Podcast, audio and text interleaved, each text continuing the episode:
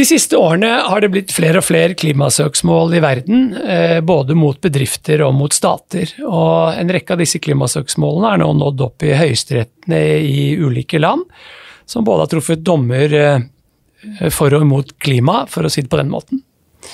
Hva ligger bak denne trenden, og eh, vil vi se flere av denne type søksmål fremover? Velkommen til Advokaten forklarer. Dette er en podkast fra advokatfirmaet Wiersholm. Jeg heter Stefan Jervel og er partner og tvisteadvokat i Wiersholm.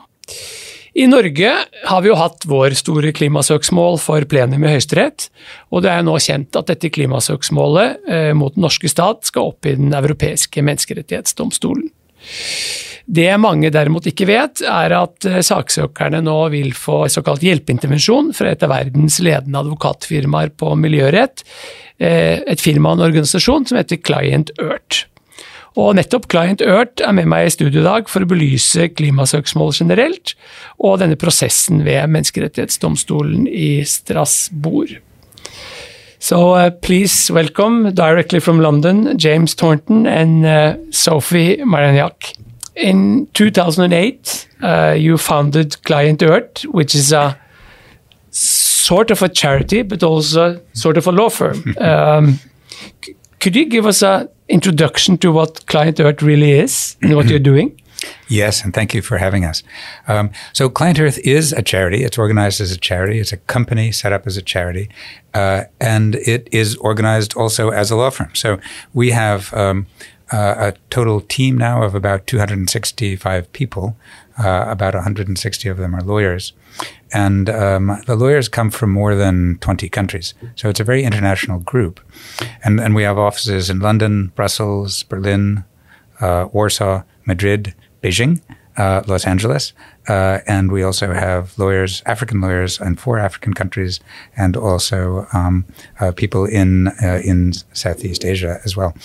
Now, um, uh, when I say we're organized like a law firm, uh, what I mean is that uh, we have departments like a law firm would have, but instead of uh, you know a, a, a, trust and estates department and a litigation department, we have uh, departments like uh, climate change, air quality, forests, and oceans, um, and then we have these specialist teams working in in this way.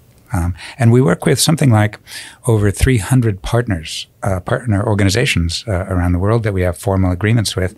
And the reason we call it Client Earth, I mean, for, for a lawyer, we work in a very different way from most lawyers, which is that we don't have uh, clients come in and ask us to help them with their problems, but instead we're set up as a charity to give us complete independence so that uh, we can focus on whatever we think is most important in terms of either writing legislation in parliaments or bringing cases uh, to protect uh, the interests of everybody in a healthy planet. And and uh, I mean this this sounds like a very impressive and, and a kind of a huge organization and and how do you really get funding because th this sounds expensive. so how do you get funding to run this huge operation? It, it's a great deal of work. Uh, so uh, the funding comes primarily from charitable foundations, some with big names uh, like uh, Rockefeller and uh, you know, names that you, you would know. Some comes from NORAD for uh, the okay. work on forests mm-hmm. in, in Africa, for example. So some, some governmental funding as well.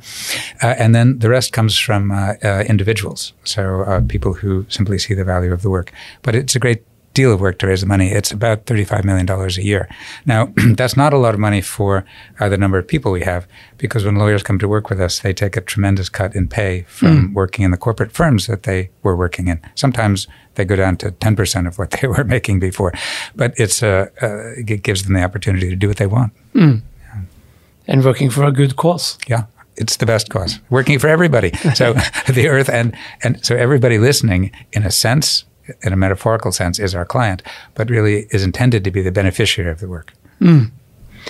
And um, and um, I mean, you've been going on since 2008. Um, any particular cases, court cases you would like to mention, kind of like highlights in the history of Client Earth?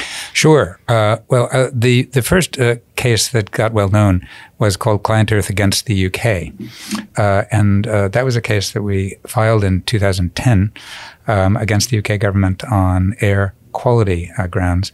And what we had to establish, since there was no group of lawyers like us in Europe before.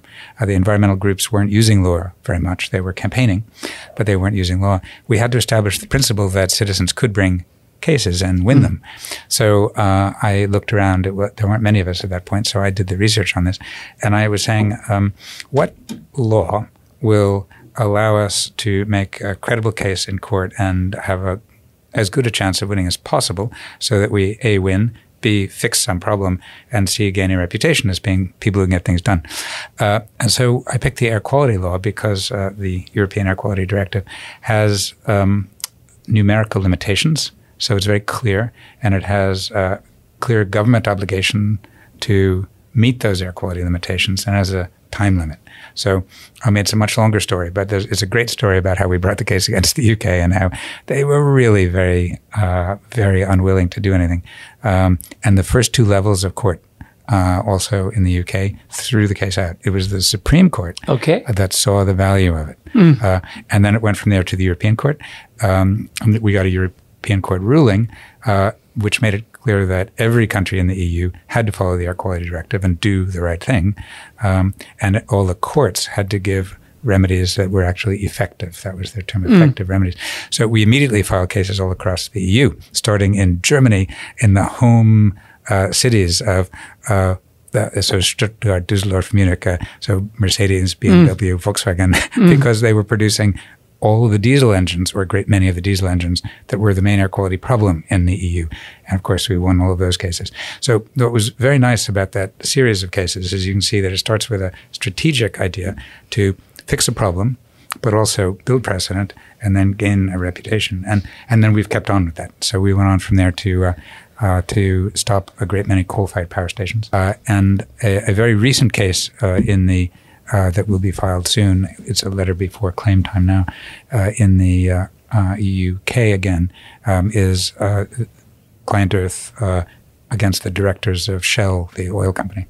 okay. On air, not on air quality this time, but on climate change. Mm. grounds. So that's litigation. And one quick thing about in in China, um, because our Beijing office does some of our most interesting work.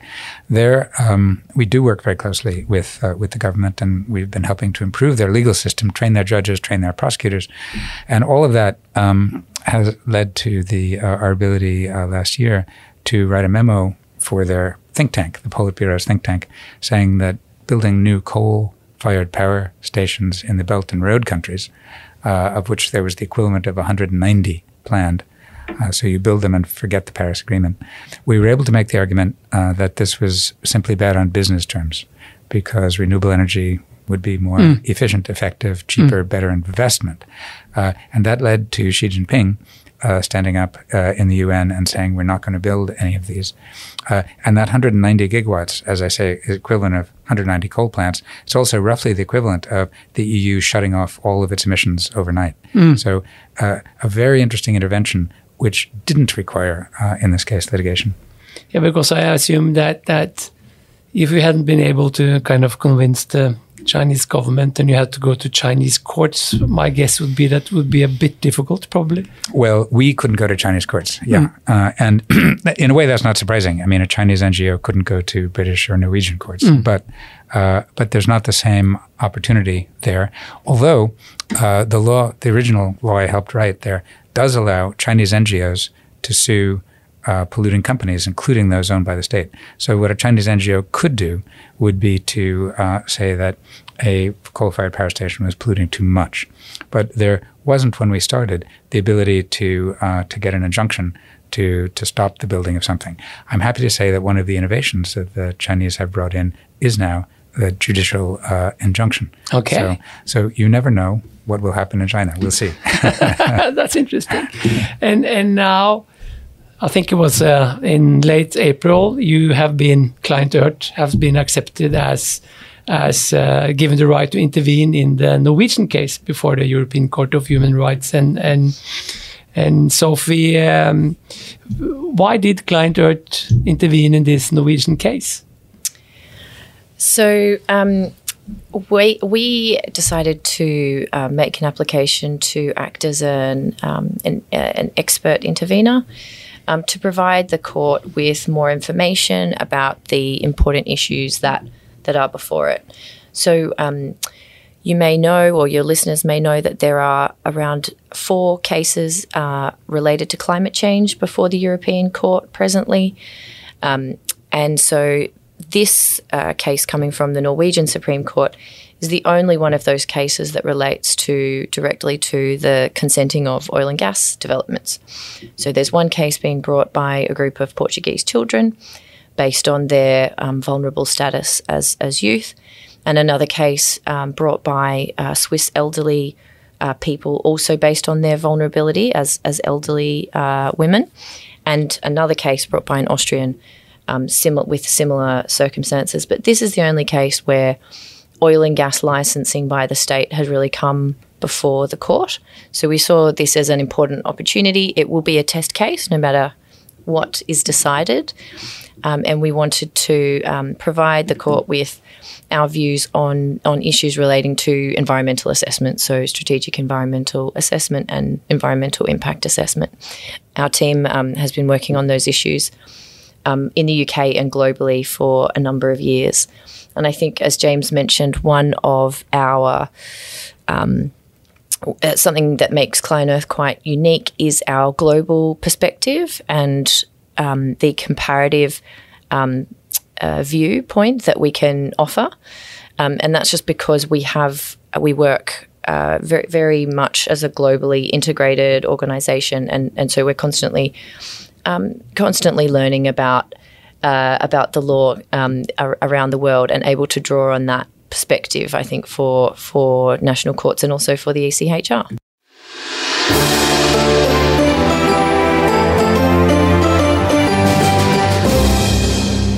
what is really the status for the case as is today? Uh, what we read in the newspaper is that it's admitted to the European Court of Human Rights, but what does it mean? Is it really admitted? Is it going to be a full fledged case, or is it further steps to be taken before there is a full fledged case before the European Court? So um, it it it has been accepted for the um, so, so the court has asked for observations from from the parties. Um, it doesn't mean that, that it will progress through to the merits phase. There, there will need to be a decision on admissibility first, and that will be dealt with by, I, th- I believe, the um, the minor chamber um, where it now sits, and that that will take some time. Uh, however, the court has asked for quest- asked uh, several questions of the parties and and of the Norwegian state to provide it with more information on um, on taking that admissibility decision. Okay, so there will be a, an admissibility decision, and then and then the merits, and then either or it will be uh, dismissed or it will be be a, be a case on the merits. That's right. Mm. And and and kind of. Um, what if if it's admitted then it's it's going to be a case on the merits what is really the merits of the case i mean we know what the supreme court tried but I, my assumption would be that what the european court of human rights will try is somewhat different i mean they need to stay within the convention of human rights among other things yeah, it is different. That's that's right. So the uh, petitioners, the applicants, are claiming that the decision of the Supreme Court not to um, disallow the the grant of the of the licensing round, essentially that decision affects their right to life under Article Two, their right to family and home under Article Eight. And they are also claiming under Article 14 that they have been discriminated against as, as young people.